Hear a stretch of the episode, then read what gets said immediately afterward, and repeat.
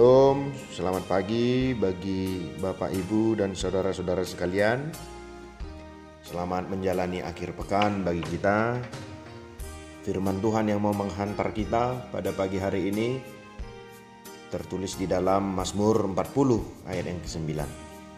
Aku suka melakukan kehendakmu ya Allahku, Tauratmu ada dalam dadaku. Melihat secara keseluruhan isi Mazmur 40 ini adalah ungkapan hati Daud atas keselamatan yang telah dinyatakan Allah atas hidupnya. Ayat 1 dan 3 menggambarkan bagaimana Allah menyelamatkan dirinya dari kehancuran dan menegakkan hidupnya kembali.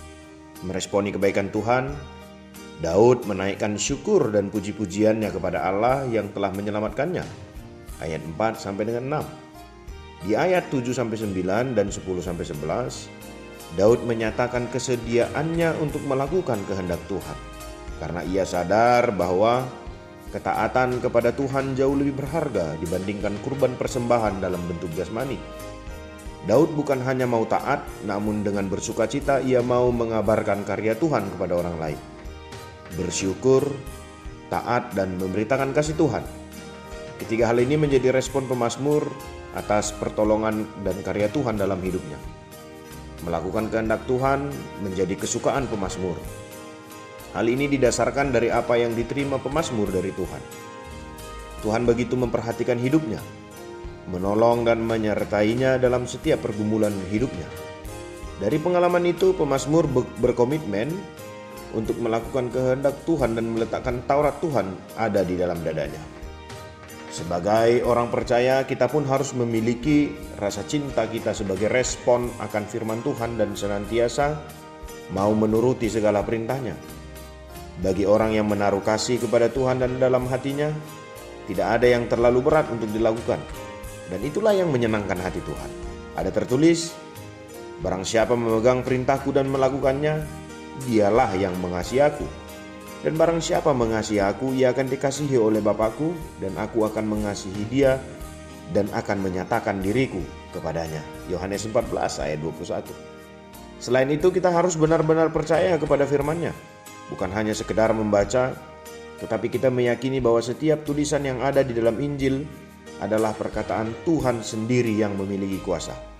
Sebab aku mempunyai keyakinan yang kokoh dalam Injil karena Injil adalah kekuatan Allah yang menyelamatkan setiap orang percaya. Pertanyaan perenungan bagi kita, mengapa kita harus melakukan kehendak Allah dan melakukan yang baik? Pertama, karena itu perintah dan bukti dekat dan percaya kepada Tuhan. Kedua, mau menjadikan pekerjaan itu habit atau kebiasaan.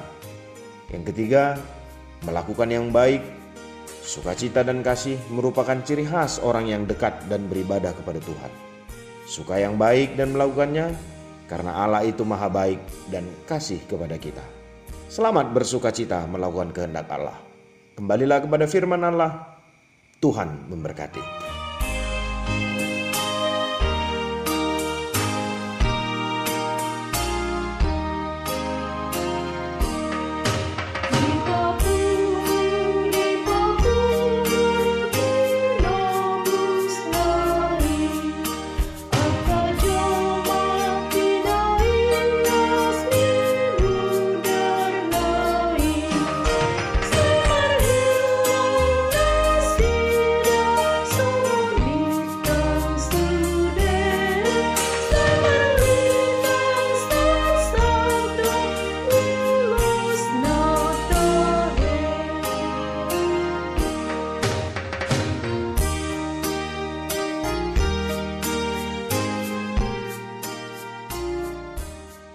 Shalom Mamang Inang.